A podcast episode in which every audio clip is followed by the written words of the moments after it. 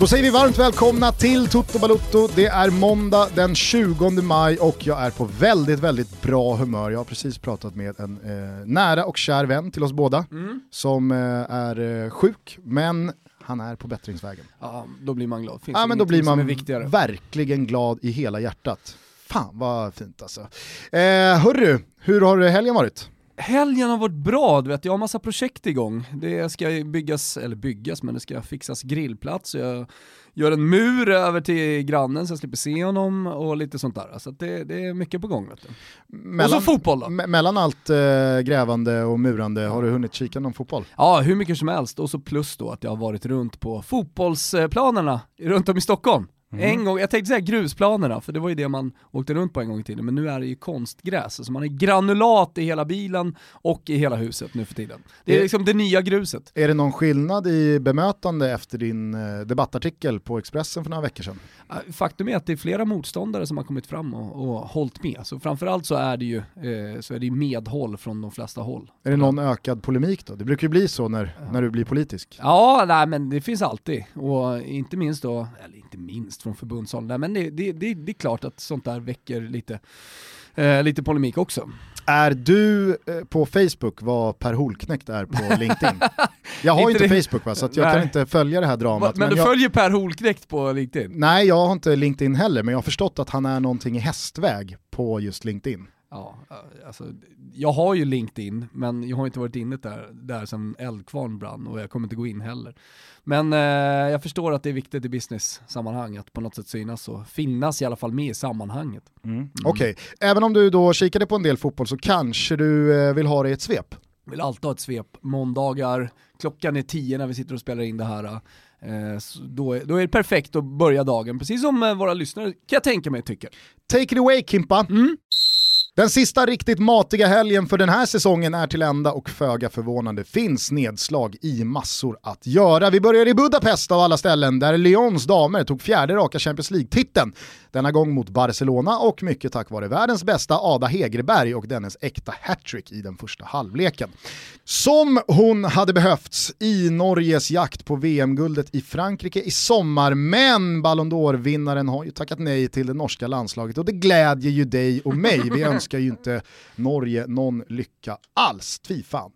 Vad gäller avskedsföreställningarna så har vi redan pratat om Diego Godin, en annan mittback som gråtandes lämnade sin hemmaplan för sista gången igår var Juventus André Barzagli.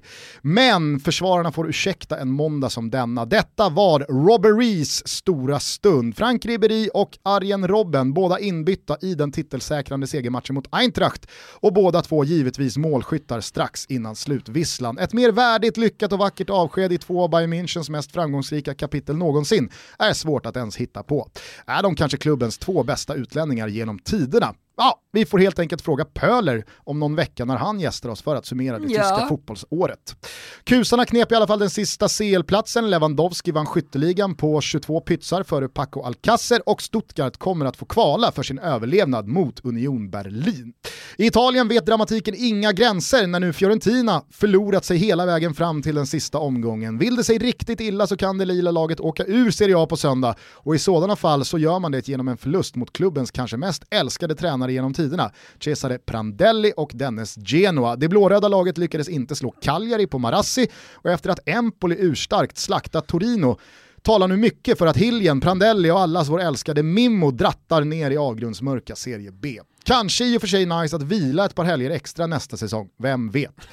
I toppen lyckades Atalanta ta poäng av Juve i eh, Max Allegris avskedsföreställning som tränare för den gamla damen, på hemmaplan, men det fattar ni ju.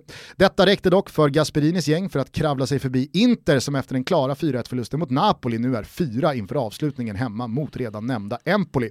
Milan kom undan med blotta förskräckelsen hemma mot Frossarna och då Roma inte fick hål på sassarna talar mycket för att Gattuso och Milanos rödsvarta lag landar en fullt respektabel femteplats. I Spanien gjorde Valencia det som krävdes mot Valladolid och knep genom segern fjärdeplatsen och den sista platsen till Champions League. Getafe fick inte sitt körsbär, men Europa League är inte illa pinkat för en klubb där man typ inte kan nämna en enda spelare. Sevilla gör dem sällskap och så också Espanyol som utnyttjade Bilbaos förlust och blåste förbi på upploppet. Girona, Huesca och Valladolid åkte ur snark. Och Messi vann i överlägsen stil skytteligan på 36 lökar i påsen. 15 skott i råttan bättre än Benzema och Luis Suarez. Celta Vigos Iago Aspas, han gjorde 20 mål, men eftersom han gjorde en iskall sejour i Liverpool för en massa år sedan så tar man inte riktigt honom på allvar. I England vann Manchester City den första inhemska trippen på herrsidan någonsin och man gjorde det genom 6-0 i tidernas mest odramatiska fa Cup-final. Watford blev liksom inhyrda nyttiga idioter i Citys firmafest till säsongsavslutning. Pep kunde inte ens kosta på sig att chilla med taktiska dispositioner gentemot Sterling till dagen efter och när Vincent Company toppade av det hela med att annonsera att han nu åker och blir spelande tränare i Anderlecht zonade jag ut. Vi behöver semester nu, ett break. I allsvenskan gjorde Malmö ett mål och tog tre poäng medan Sirius gjorde tre mål men tog noll poäng. Djurgården och Elfsborg bedrev ett evighetslångt sjöslag på Tele2 och hur många situationer som än går att diskutera eller kritisera går det inte att komma ifrån att Elfsborg typ inte skapade en enda vettig målchans med en man mer på plan i över 70 effektiva minuter. Glelle Nyberg som pipade kalaset, han tog sig nog en riktigt, riktigt kall öl på kvällskvisten igår och pustade ut. Vi med. Ja. Kände att det var studs i det där eh, svepet. Nej, men jag skulle någonstans vilja börja fa Cup-finalen. Jag vet inte vilken ände vill du ta där då? Nej men jag, jag tycker att, eh, jag tycker att eh, liksom slutresultatet verkligen ringar in både Manchester Citys säsong men kanske framförallt vad FA-cupen både blivit och vad den här finalen var. Det var ju bara 90 minuter plus tillägg väntan på att kompani skulle lyfta pokalen. Mm. Nej men så var det ju. Noll absolut. nerv. Ja, det var noll nerv. Däremot så var det ju faktiskt nerv i våran tävling. Ni vet, vi körde tillsammans med Betsson eh, och det blev ett riktigt jävla sekunddrama. Berätta här nu Gusten, vad var det för tävling? Vad, del, vad, vad, vad prisade vi ut och eh, hur gick det? Nej, men vi tävlade ju ut tillsammans med våra vänner på Betsson som är så generösa att eh, man skulle följa dem på Instagram, man skulle gilla bilden och i kommentarsfältet då tippa minut och sekund för första målet. Mm. Jag trodde att City skulle göra den här processen betydligt kortare, nu blev det ju 6-0 och det blev en slakt precis som alla andra eh, hade på känn också, men det dröjde ju faktiskt till 25-17 innan första målet kom. Stefan.ju, han hade tippat 25-13.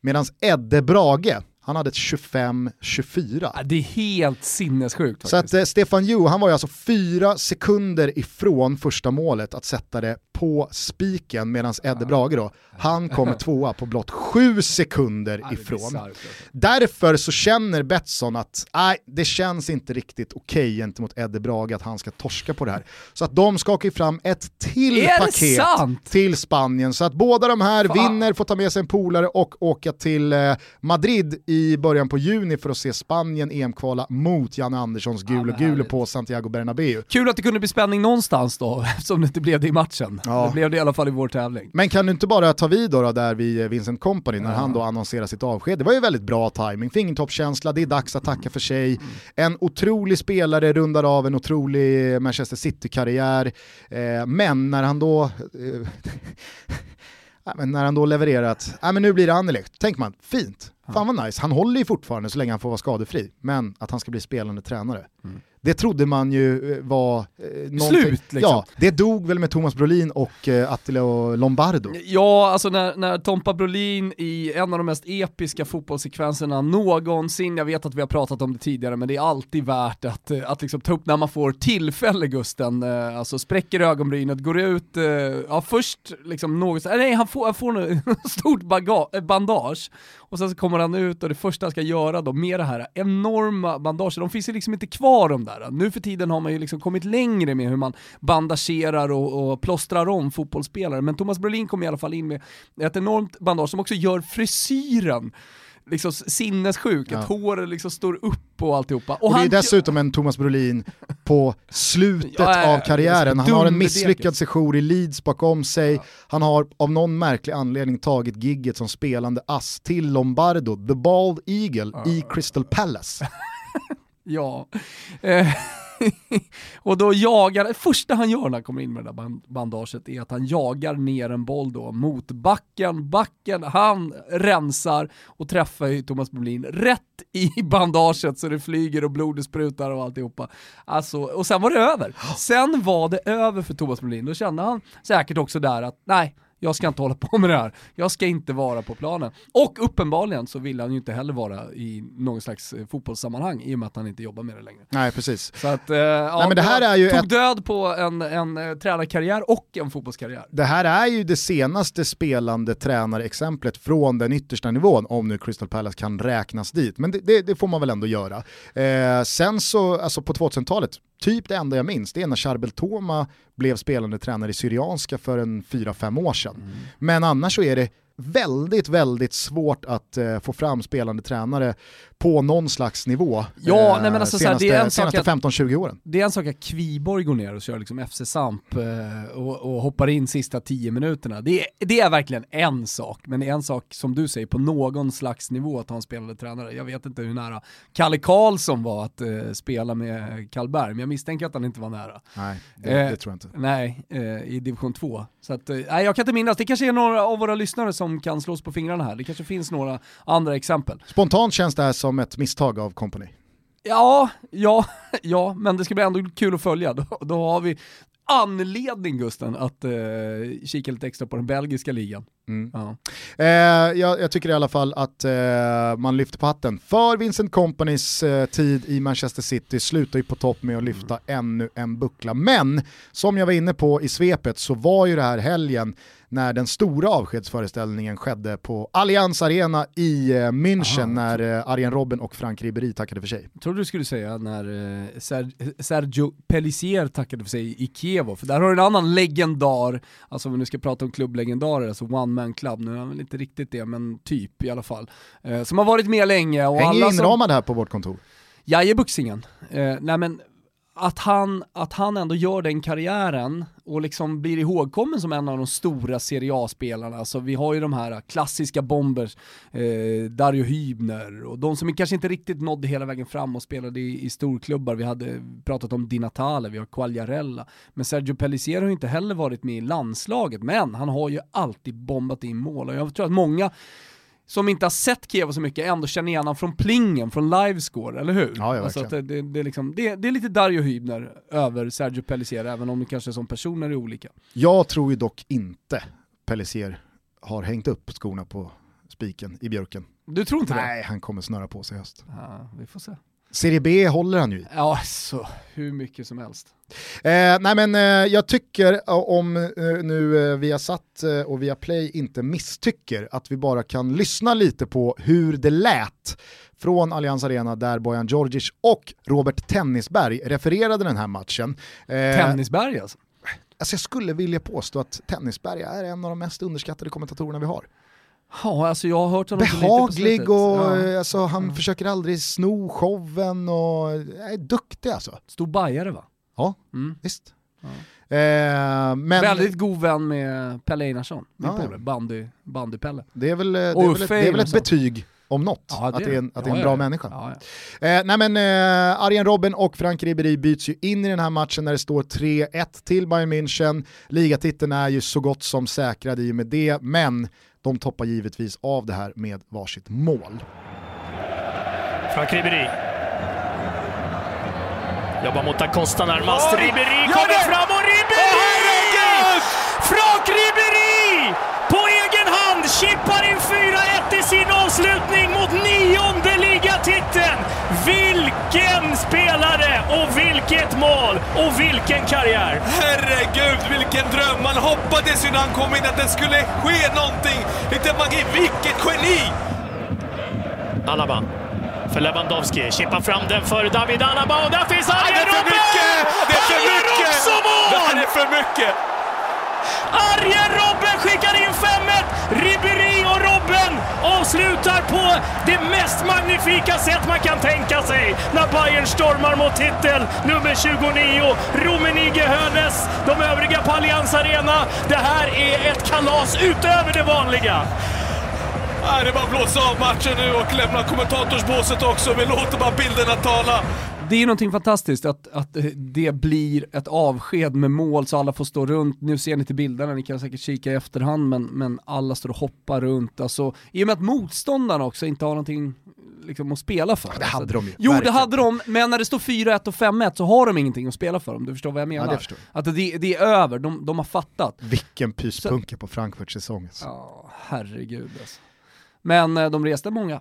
Det gjorde de. Ja, det är ju precis sådär man vill ha. Man hade ju velat att eh, Barzaglione också hade fått knoppa in en boll eh, mot eh, Atalanta. Nu var ju... Men kan ju spela var ju- om den matchen tusen gånger och Barzagli gör ju inte mål. Nej, det har du för rätt i alltså. Han är en sån där mittback som aldrig får in den. Men eh, nu var ju Buffon där till exempel, alltså det var ju stor uppslutning just på grund av Barzaglis säsong. Och där har du, på tal om underskattade spelare liksom, där har du en otroligt underskattad mittback. Alltså när du tänker på Juventus eh, ja men fantastiska era som de precis eh, kommer ifrån här med åtta raka ligatitlar och varit i final i Champions League och att han var med från början med Antonio Conte, alltså när det här segertåget började rulla igång. Och liksom vad, vad, han, vad han har gjort ändå för, för Juventus. Jag tror att han är lätt, Barzagli är en spelare som är lätt att glömma bort. Ja, jag kan ju själv eh, bara rannsaka mig och jag brukar ju prata om eh, Cajon som kanske är den bästa värvningen som gjorts eh, av en Serie A-klubb senaste tio åren. Kostade vad då 10 miljoner euro från Real Madrid, har ju öst in poäng och varit med och tagit Napoli från en klubb som en bra säsong Inte kan ens utmana. tio, jag tror det var sju liksom. Ja men okej, men Alltså, han kom ju med? tillsammans Alltså, var- med Albiol i någon paketdeal. Ja, Eller hur? exakt, exakt. Och Eh. då, då också kritiserat, det var Mm. för mycket pengar tyckte folk. Ja, precis. Han har ju öst in poäng och varit ett eh, fundament i Napolis resa från liksom en utmanarklubb till Champions League-platserna till ja, men, den näst bästa klubben senaste säsongerna. Eh, jag såg igår på Twitter att Juventus köper alltså Barzagli för 300 000 euro. Ja, det stämmer. Från Palermo. Ja. Och det var dessutom, på tal om kritiserade värvningar, alltså dunderkritiserat. Vänta nu här, ska vi inleda en, en uh, ny era med en mittback från uh, Palermo? Snälla rara, vi måste, vi måste spendera mer. Men det visade sig vara fantastiska uh, pengar spenderade. Alltså. Och han har plockat sju av de här åtta Scudetti. Par cuptitlar på det, två Champions League-finaler, men var ju framförallt en fjärdedel i den där ikoniska defensiven. Mm. Trebackslinjen, Chiellini, Bonucci, Barzagli och så Buffon bakom. Mm. Så att, eh, är det, som du säger, det är en eh, underskattad och många gånger bortglömd spelare när man pratar om eh, de bästa värvningarna, de bästa spelarna och de ja, meritmässigt bästa Ja, karriärerna herregud, senaste, och han var ju med också-. Var ju med och vann ett EM-guld, äh, EM-guld, EM-silver med Cesare Prandelli vid det italienska tränarrodret Och ett VM-guld. 2012. Och han var med i VM-guld också, så att, eh, jag menar, det, det, är en, det, det är verkligen en meriterad och en prisad spelare. Vet du vad man har känsla kring Barzagli? Att han kommer checka ut. Han kommer inte, Han i... han kommer ja, inte sätta sig i någon tränarbänk i Coverciano och om två år stå Nej, på någon även om han- sidlinje. förmodligen återvänder till Scandicci där han är ifrån utanför Florens. Eh, Det var ju Fiorentina eller Juventus det stod emellan och framförallt så trodde ju alla att han skulle landa då i, i, i sitt kära Fiorentina alltså. Ehm, och det var ju superpolemiskt när han valde Juventus, alltså, i och med att han, har- han har ju stått i klacken liksom, i, i, i Fiorentina och sånt där. Alltså, men, men där bröt han ju precis alla band med den lila publiken. Mm. Eh, vi kan väl komma tillbaka till Fiorentina och Max Allegri alldeles strax. Det här skulle ju handla om eh, Robben och eh, Ribéry. Ja. Det återstår ju en cupfinal mot eh, Foppens Leipzig. Yes. Eh, men Alltså de här bilderna och de här scenerna, alltså Ribéris mål, så som det görs och hur de firar och alltså fruktansvärt vackert. Ja, det är otroligt. Och som jag var inne på, kanske är de två Bayern Münchens bästa utlänningar i klubbens historia. Det går ju att nämna stora spelare som har spelat i Bayern München, men många av dem är ju tyskar. Alltså Ja, och dessutom och så har de varit med så länge, det gör ju någonting. Alltså det är en sak om man kommer in och vinner ett par titlar, men, men att de har varit med under hela den här tiden och inte bytt klubb. Mm. Det är såklart, och det i stort sett hela tiden också varit eh, de bästa spelarna i laget, tillsammans med några såklart, men liksom de har varit avgörande. Det är jävligt ballt och det är jävligt unikt också. Eh, som sagt så kommer Adam Lillpölen Nilsson till oss om någon vecka eller två för att summera den tyska säsongen. Vi har ju behandlat Bundesliga. Eh, låter och- inte som ett jättelystat program. Ja, men det kan nog bli bra. Pöler Pöler har ju ett nytt självförtroende i hela sin, sin aura. Som Ja, är, det har du rätt i. så att, eh, jag, jag tror att det kan bli Nytt bra. Twitter-nick och eh, nytt självförtroende då, när konsultpöler rullar igång liksom. Exakt, Nej, men det ska ju kvalas lite både neråt och uppåt sådär innan Yes. vi stänger den tyska säsongen, dessutom då cupfinalen med eh, Foppens Leipzig. Men jag tycker bara att eh, det är värt att nämna SC Paderborns eh, senaste sex år. De gick ju upp till Bundesliga här nu efter att ha kryssat samtidigt som då Union Berlin inte löste en eh, Fuck seger. Bremen. Precis, verkligen. Nej, men, eh, vill du höra bara hur det har gått för SC Paderborn Gärna. eh, sedan 2014? Säsongen 13-14, då går man upp till Bundesliga. Man drattar ju direkt ur säsongen efter, så då åker man ner till Zweite Bundesliga. Imploderar ju totalt, så att eh, säsongen 15-16, då tar man hissen genom Zweite ner till då Dritte.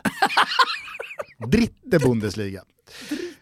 2016-17 då, säsongen efter. Känns ju ändå någonstans man vill vara, alltså dritte. Ja, ja visst. Va, vad kör du? Äh, dritte. Mm, ja, det låter Eh, kul. ja. Man vet ju också att det är 17 000 på läktarna och superstämning. Ja, ja. Förmodligen ganska bra pris också.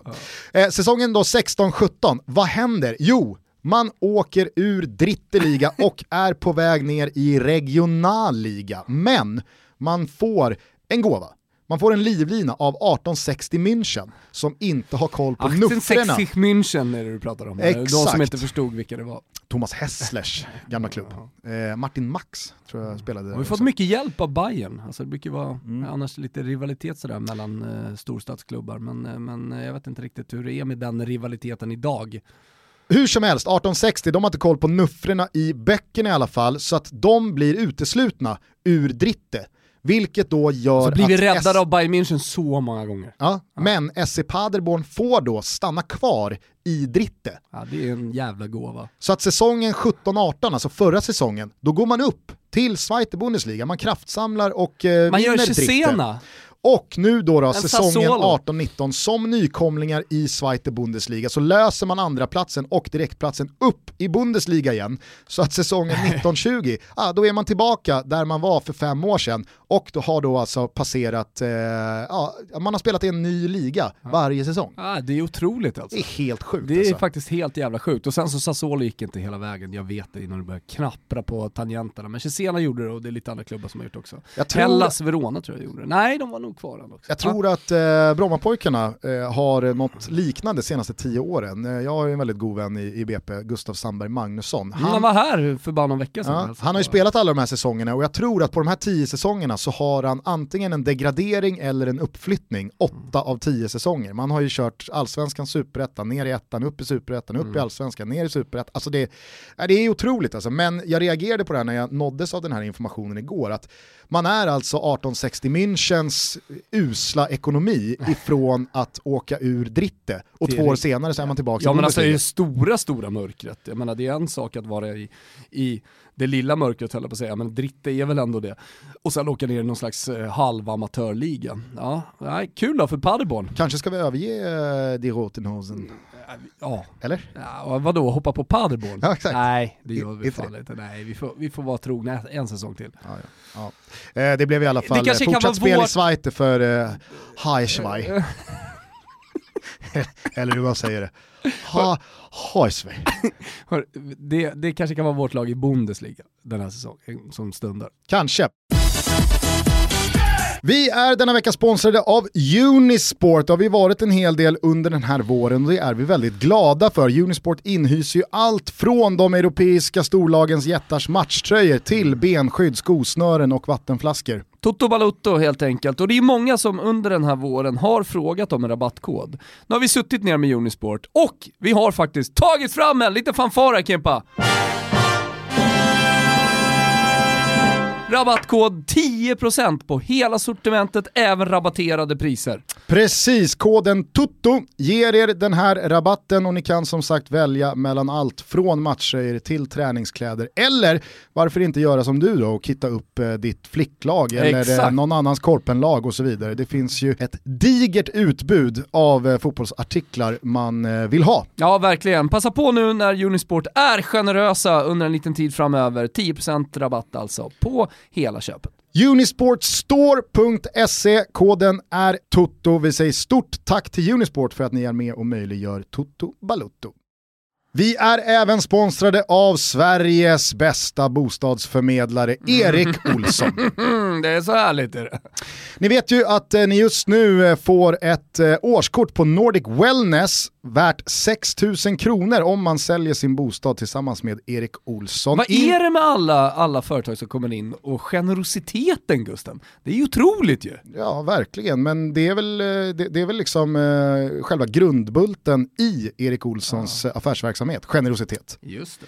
Så att in och läs mer på det här om erikolsson.se totobalutto. Där kan man dessutom skicka in sina uppgifter och anmäla sitt intresse om man vill ha chansen att ha dig och mig som visningsvärdar när det är dags för att sälja. Jag är ruskigt taggad alltså, jag saknar säljet i mitt liv Gusten. Så att eh, klicka i det bara. Andra argument varför man ska välja Erik Olsson har ni redan hört, men vi kan upprepa några av dem. Eh, deras mäklare är ju lokala experter, de har koll på berörd eh, bostadsrättsförening, man har koll på närområdet, vad det är för kommunikationer, vad det är för dagismöjligheter och så vidare. Dessutom så är det visningsgaranti eh, och man får bäst betalt när man eh, säljer via Erik ja, Olsson. Varför välja något annat? Stort tack till Erik Olsson.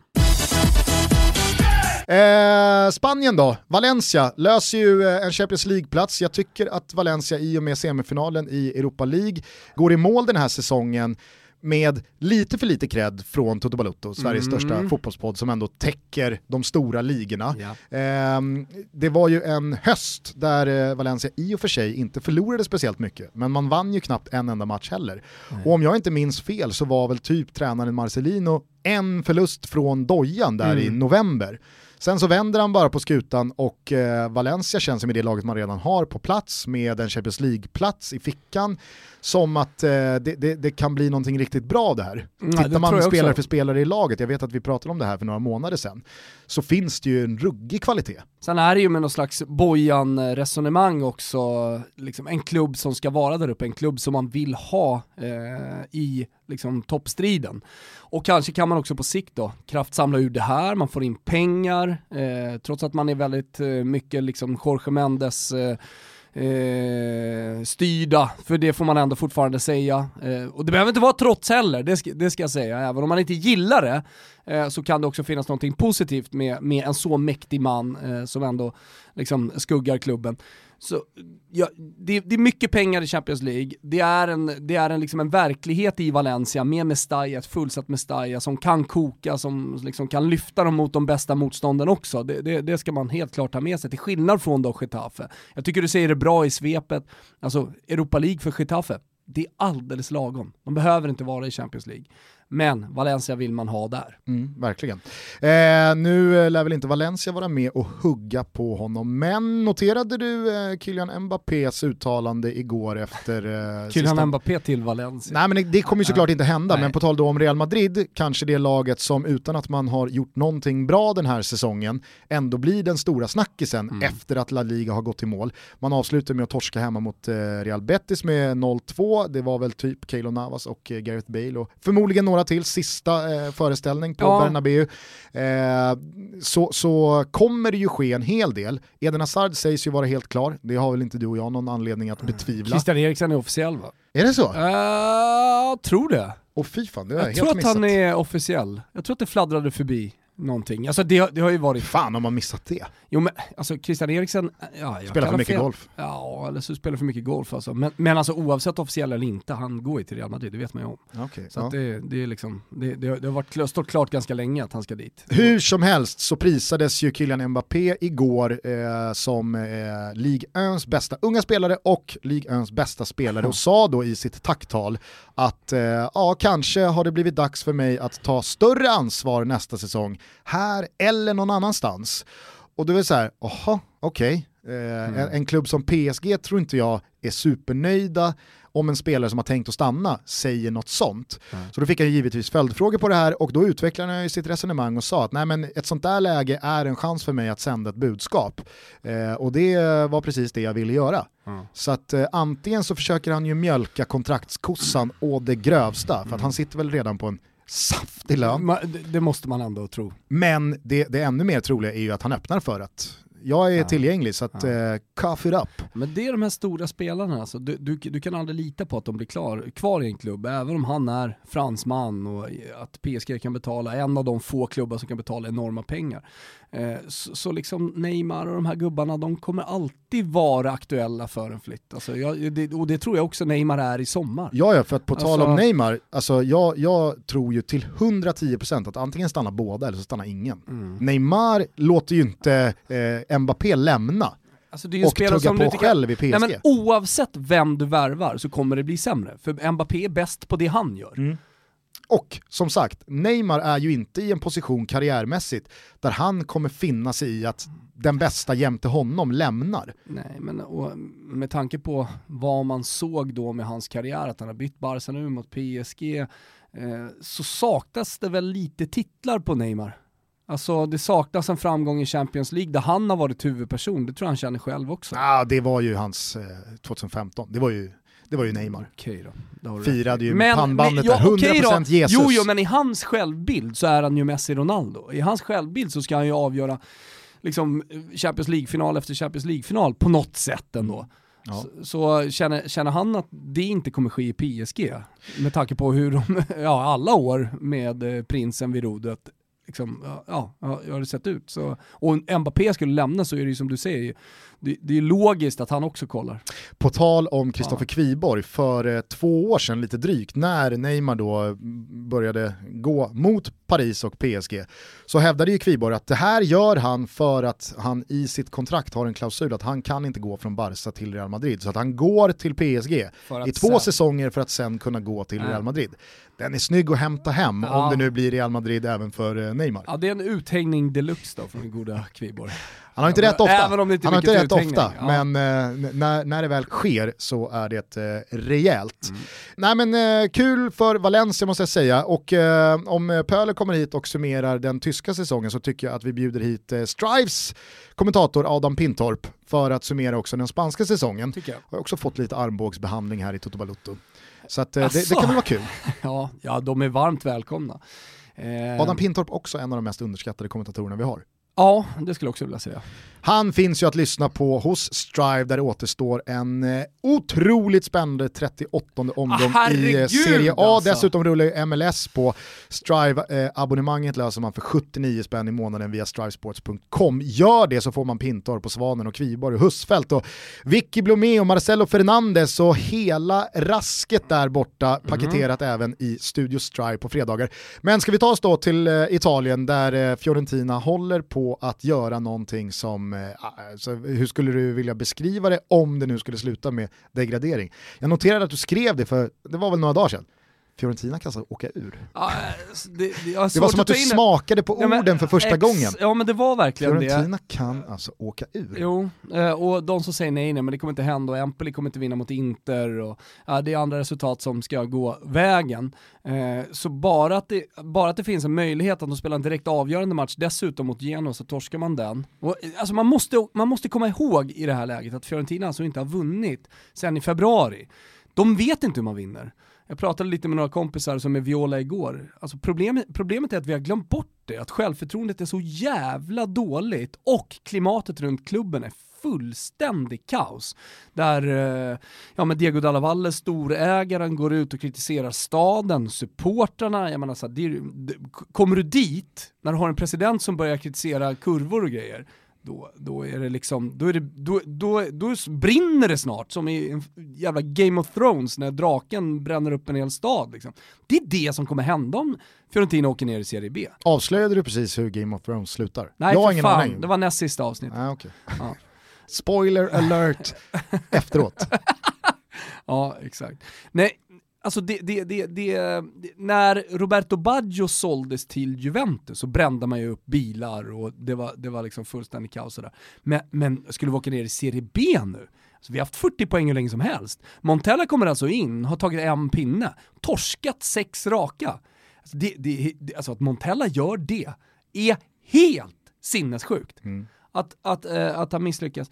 Och som Eh. lök på laxen då, att Cesare Prandelli ska stå på andra sidan. Jag kan dessutom åka ur själv eftersom Genoa just nu är liksom på den, på den sista Serie B-platsen. Och Empoli, de, de dänger alltså dit Torino som jagar Europaplatser med fyra Torino som var i form på hemmaplan. Så alltså Empoli är superslag. Samtidigt som jag vet inte fan var man har Inter någonstans heller och de kan ju greja den där fjärdeplatsen oavsett om, alltså det, det beror på lite hur det går de andra matcherna men alltså de, de skulle ju typ kunna torska även om jag inte tror att det, det, det skulle gå vägen. Det är klart att de har allting att spela för men var väl ändå men ganska, fan, ganska positivt för Fiorentina att Inter torskade mot Napoli Herregud, och således måste trampa gasen i botten mot abs- Empoli. Absolut, absolut. Hade de vunnit igår och säkrat Champions League-platsen, då hade de en lång vecka. Nej, och Lång vecka till ja, söndag verkligen. Nej men alltså när Fiorentina grejar kontraktet, jag tror att stan kommer sluta upp nu i en vecka och under matchen, men när de säkrar kontraktet, då kommer, alltså det, det är inte så att det kommer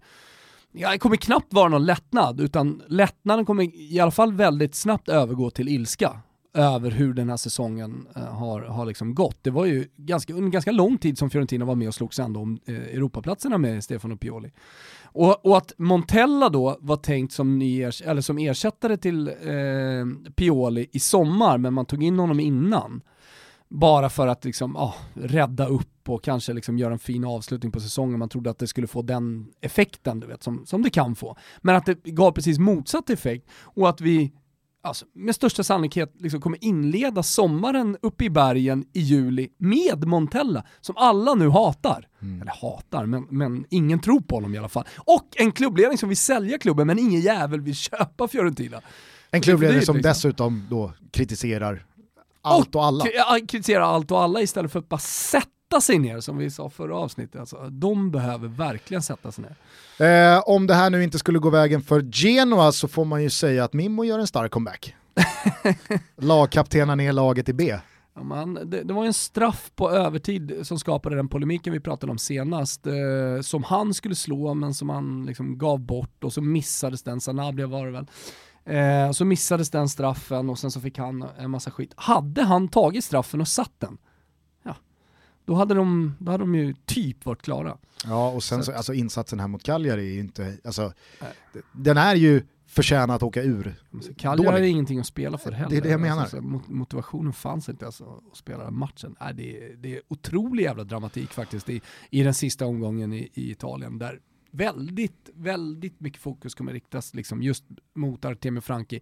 För det är inte bara sportsligt väldigt mycket som står på spel såklart, utan känslomässigt så är det ju en match liksom där alla som kommer dit, Genoa-supportrar, Fiorentina-supportrar, kommer ha liksom verkligen ja, alla känslor utanpå skinnet. Det är väl rimligt att tro att eh, Batigol dyker upp i stan i veckan. Alltså, Han måste ju flygas borde in. Han, måste, han borde flygas in och lugna piazzan som man säger. Mm, verkligen. Eh, annars var ju den stora rubriken eh, i eh, slutet på förra veckan, kom ju direkt efter vi hade spelat in, att Max Allegri tackar för sig. Mm. De där ryktena var konkreta, eh, som du var inne på, att det är klart att det här inte bara är, är snack. Eh, det har ju, tycker jag i alla fall, jag vet inte, du har ju mer kött på benen kring det, men det känns lite oklart och luddigt hela den här Allegri-exiten. Ja för de menar ju på, direkt efter Champions League-förlusten mot Ajax eh, så, så, gick de ju ut och, och bekräftade Allegri som tränare till nästa säsong. Och eh, när Andrea Agnelli, presidenten, pratar om det eh, så, så menar han på att han var ärlig. Där och då kändes det som att nej men vi, klart vi fortsätter med Allegri. Sen har man reflekterat som de säger. Eh, och då tillsammans kommer fram till att det nog är bra att, att lägga ner. Så, så att någonstans för mig så landar det i att det är Max Allegri som inte vill. Och att eh, Juventus således liksom accepterar det. Och han har ju pratat i flera år om att han vill testa utomlands. Så det är ju inte helt otänkbart att han redan mer eller mindre har en klubb klar. Så att han spelar klart 38 omgången och sen ganska snabbt kommer presenteras för någonting. Men Eh, vad skulle det kunna vara? För där får man ju inte heller känslan av att Eh, det finns ett givet nästa gig för Allegri. Nej, det går ju att spekulera som de brittiska klubbarna så har du ju Manchester United, du har eh, Arsenal, eh, du har PSG. Alltså, ja, det, det är klart att det finns klubbar. Du har Bayern München. Alltså, allt kan ske. Jag tror inte heller att det är liksom så här stenklart. Alltså, ja, vi, vi får se. Jag, jag, jag, jag har varit med om så jävla många värre kovändningar inom den internationella fotbollen, så som den engelska fotbollen håller på att utvecklas. Alltså för tio år sedan så hade man inte ens pratat om eh, att eh, en, en, tränare som har blivit bekräftad sen får sparken. Eh, men, men eh, liksom, det har ändrats i England också. Det, ord, ord, ord är inte lag, lag. och eh, jag, jag, där, därför vill jag liksom inte till 100% säga säkert att Ole Gunnar och Ona Lemeri stannar. Du måste inse att han heter Unai och att det där inte är eh, ett L. Nej, jag vet. Una. Men det, det, är liksom, det, det, där, det där jag är. Varje gång jag skriver hans namn, ibland säger jag Yna också. Jag kör lite olika. Turk ibland. Ja, exakt, han känns lite turkisk för mig. Eh, men eh, på tal om då Juventus så känns det som att den enda tränaren som inte spontant hade känts som ett nerköp är ju en comebackande Antonio Conte, mm. men det känns också långt bort. Nej, den finns, den lever i allra högsta grad. Det är klart att den lever, jag menar bara att det känns inte som att det är någons önskan. Jag ska säga det med Allegri, alltså, det, det, det, det finns också en ganska stor sannolikhet enligt italienska medier att han vilar ett år som många tränare väljer att göra för att, sen, ja, för att det kanske inte finns då eh, en stor klubb, men att han har diskuterat med andra. Ser ju, det är bara att kolla hur det ser ut i Europa. Alltså skit i om man kommer till Manchester United eller Arsenal nu, eller PSG nu, så, så alltså att, att någon av de klubbarna skulle bli intressant, eller skulle bli intresserade eh, för eh, Max Allegri under de kommande 12 månaderna. Där är ju sannolikheten ändå ganska stor, eller? Ja, absolut. Ja. Samtidigt så tänker jag vilken cash-out Ole Gunnar kan göra här nu med ett nysignat kontrakt. Om... Jag tror att pengar inte är det största problemet här för Ole Gunnar, men absolut. Så, så är det säkert inte, men om nu Woodward alltså, rannsakar sig själv och inser att Max Allegri, det är nog det bästa ja. vi kan få, och det känns ju som en klubb och en utmaning som Allegri absolut skulle kunna tänka ja, sig. Herregud, ja, alltså, fan, jag skulle ju simma dit om det Ja, ja, liksom, men, men alltså så här, skulle behövas. då är det ju bara, då, alltså, då, då bjuder ju Ole Gunnar på tre sista månaderna. Ja. Sen är det ju fullt ja, pröjs. och så tillbaka till Molde. Ja, japp. Fan vilken drömsits. Vilken drömsits alltså. Eh, nej, men det blir ju ruskigt spännande att, följa Juventus eh, kommande ja, veckor här, och spekulationer och vad det blir. Jag tycker generellt sett att det är en jävligt spännande sommar. Alltså, det är många stora spelare som kommer röra på sig. Alltså, bara det att du nämner här Real Madrid som faktiskt måste städa nu. Nu, nu, nu får det faktiskt komma en sommar där det händer stora grejer även, även i Real Madrid. Eh, det, det, kommer ju sen såklart också eh, spegla av sig på de andra storklubbarna och hur de agerar. Och jag menar, det räcker med att en av de här stora spelarna från PSG eller låt säga Barcelona rör på sig så, så sätter man igång jordbävningen. Liksom. Följde du eh, den eh, mest bisarra allsvenska matchen, eh, banne mig någonsin, ja, eh, på Tele2 igår? Mm. Det var ju en första halvlek som spelades över timmen, mycket beroende på att eh, Buya Turay cykelsparkade Joakim Nilsson i backen. Eh, det, det, ska väl ha gått hyfsat bra om jag har förstått eh, efterhandsrapporten. Knäck, knäck näsa och en, eh, en hjärnskakning, men när han låg där eh, helt livlös. Buya Turay typ börjar gråta, tar sig för huvudet, och en kommer ni se på Mohamed Buya Tourais anlete också. Att han är chockad över effekten utav det ögonblicket. Båda lagens läkare är inne, det är helt knäpptyst på Tele2 och Lasse Granqvist dundrar ut, dundrar ut gjorde han väl kanske inte, Nej. men då förmedlar att... Och det informeras mig nu att eh, bilderna är otäcka och vi vill inte visa några ytterligare bilder på händelsen. Då börjar man ju känna att det är nacken här har gått. Ja. Eh, för att han såg ut att landa riktigt, ja. riktigt äckligt på just huvudet, nacken. Ja. Eh, så det var ju för väl då, då, om det här nu bara inom citationstecken är en bruten näsa och en lättare hjärnskakning på Joakim Nilsson. Men utöver det så fanns det ju, eh, vad var det, 7, 8, 9 gula nice. första halvlek, ett rött kort på Haris Radetinac, eh, en eh, straff som verkligen gick att diskutera. Och det var, alltså det, det var en match som var så oerhört konstig att följa. Mm. Ja, det var väldigt lite fotboll, väldigt mycket annat. Mm. Däremot så kände jag, jag fick ändå en kick av hur väl jag förstod eh, Radetinac eh, utvisningen.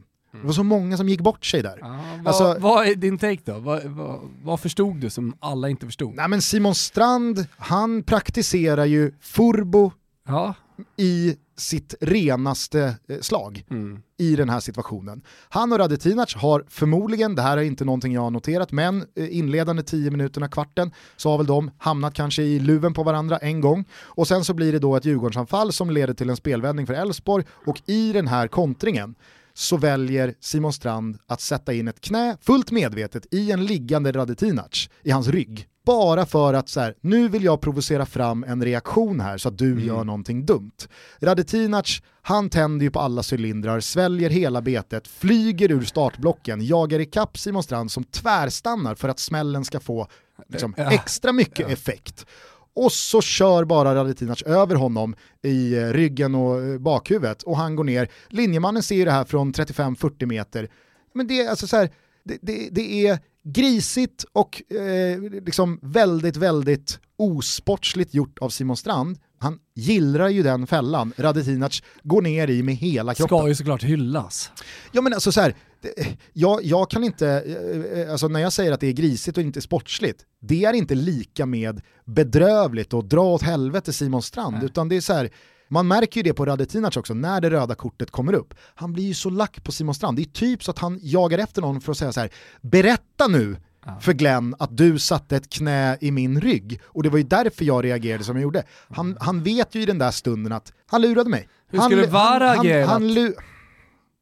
Nej, jag tror att eh, om, om VAR hade funnits här så hade Simon Strand fått ett gult kort, men det röda hade stått kvar på Radetinac. För att det är, alltså hur man än vrider och vänder på det, så går det att visa rött kort. Jag hade inte protesterat om det hade slutat med gult kort för Radetinac. Men precis som man eh, kan säga kring mittbackar som eh, fäller ut en arm eller eh, drar någon i tröjan, så ger man ju domaren chansen Exakt. att blåsa eller att visa det röda kortet i det här ju. fallet. Så att, nej, det, var, det, var en, det var en utvisning som man sällan ser på allsvensk nivå.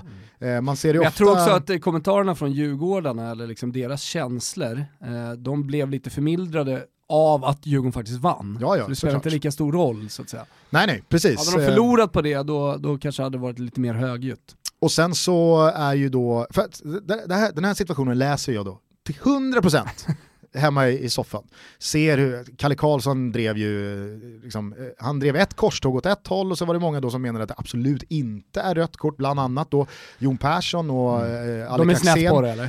Nej men alltså så här, eh, det var många som inte uppfattade vad som föranledde reaktionerna och att, Ja. alltså så här, förstår vad jag menar? Det- det- S- Samtidigt som du låg i soffan och var helt jävla glasklar Fick- fick klar i pallet Fick så, som så, kick av att så här, snurr- herregud vad jag så kan. yrade Herregud vad jag förstår fotboll. det var hönsgård runt om. Och så några minuter senare då, sker ju samma sak igen i mitt inre. Där jag känner så här, alltså jag förstår fotboll bättre än någon annan känner. Och det är ju då när Buya Turay mycket, mycket mycket, liksom så här, eh, vid första ögonkastet går ner eh, till synes då utan någon slags beröring. Det ser dessutom ut att vara utanför straffområdet men han faller in i straffområdet och Glenn Nyberg pekar på straffpunkten. Folk går ju liksom ape shit på Twitter och eh, jag vet att eh, Birro eh, började gasta om att så här, vadå billig straff, vadå tveksam straff? Det är en fullständigt felaktig straff och det är liksom, det här är, det är horribelt. Men och, i väldigt- Gustens soffa, där var det glasklart. och vet du varför? Jag vet, du berätta, varför? Berätta. Jo, för att Jon Jönsson protesterar inte överhuvudtaget. Alltså Jon Jönsson är ju en av de mest hetlevrade mittbackar man har skådat i allsvenskan på 2000-talet. Om han, inbytt i underläge, skulle se Buya Turay bara lägga sig utan beröring och höra en signal från domaren som pekar på straffpunkt och då förmodligen 0-2 i rökan. Som det skåpet går då. Alltså då låter ju han Glenn Nyberg höra att han lever. Men Jon Jönsson protesterar ingenting. Ingen Elfsborgsspelare eh, protesterar överhuvudtaget. Då vet man. Så du bara, oj då, vänta här, nu ska jag sitta lite lugn i båten och kolla på vad som egentligen hände. Sen går ju Glenn Nyberg själv ut och säger efter att ha sett situationen i efterhand så borde det inte varit straff, det borde varit frispark för att kontakten mm. sker i full fart men utanför straffområdet. Så det är ju det tveksamma, men det är ju inte det någon eh, på Twitter eller eh, de som tycker att straffen är felaktig protesterar emot, utan det är ju att Buya Turay då filmar. Ja. Men då låg man och räknade in, herregud vad jag förstår det här. vad jag förstår, alltså Jon Jönssons reaktion säger allt. Ja, okay. eh, men som jag var inne på i svepet, satan vad blekt det var av Elfsborg. Nu blir det där en konstig match. Jag vet att eh, det var väl både Jimmy Thulin och eh, någon spelare till som sa att man kan inte skylla på att man får eh, Jocke Nilsson då utburen och att man går och undrar hur han mår. Nej. Men det har ju skett väldigt många gånger att spelare som får sina spel, alltså en medspelare skadad mm. på ett allvarligt sätt tenderar ju att kanske inte excellera efter eh, det har skett i matchen.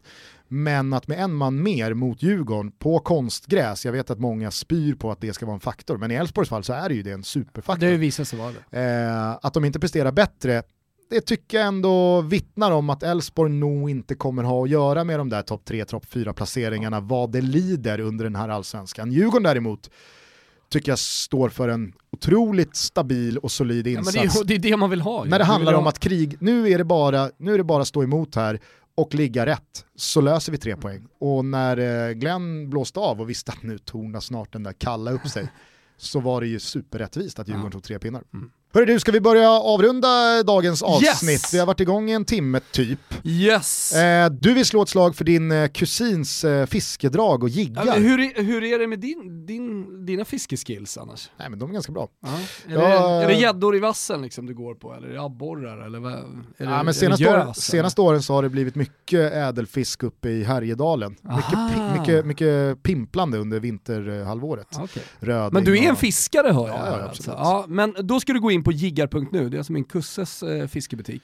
Där har du, hittar du precis allting inom fiske. Ni ska också följa dem på YouTube och eh, på sociala medier, det finns på Instagram också. Med, de har redan jättemånga följare, men där de gör då eh, filmer, kring fiske, dels när de själva är ute och fiskar, eh, men också från butiken och så vidare.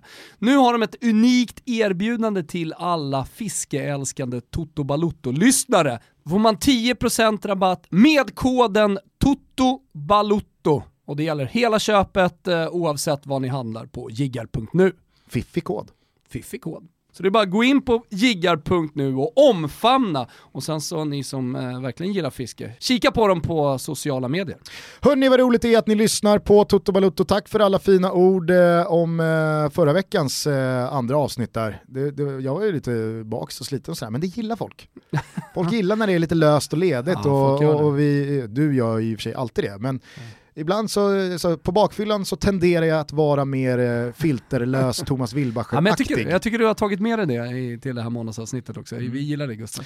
Eh, hörni, eh, om några dagar så gästar Glenn Strömberg oss. Mm, det är, på tal om att det stundar saker så stundar det ju faktiskt en Champions League-final också. Han är väl mister expertkommentator vad det gäller just Champions League. Så det ska vi bland annat prata om, men eh, vi lär ju få anledning att surra Atalanta och en hel andra grejer också. Han kanske säger någonting om det där med Medford 1990, vem vet? Eller den där filmningen. Mm. som eh, han blev väldigt bespottad för. Just det, just det. Ja, ja, vi får se vad det blir. Häng med oss när vi fortsätter eh, göra Toto Balutto. Tack för att ni lyssnar, ta hand om er så hörs vi om några dagar igen. Ciao tutti! Ciao tutti!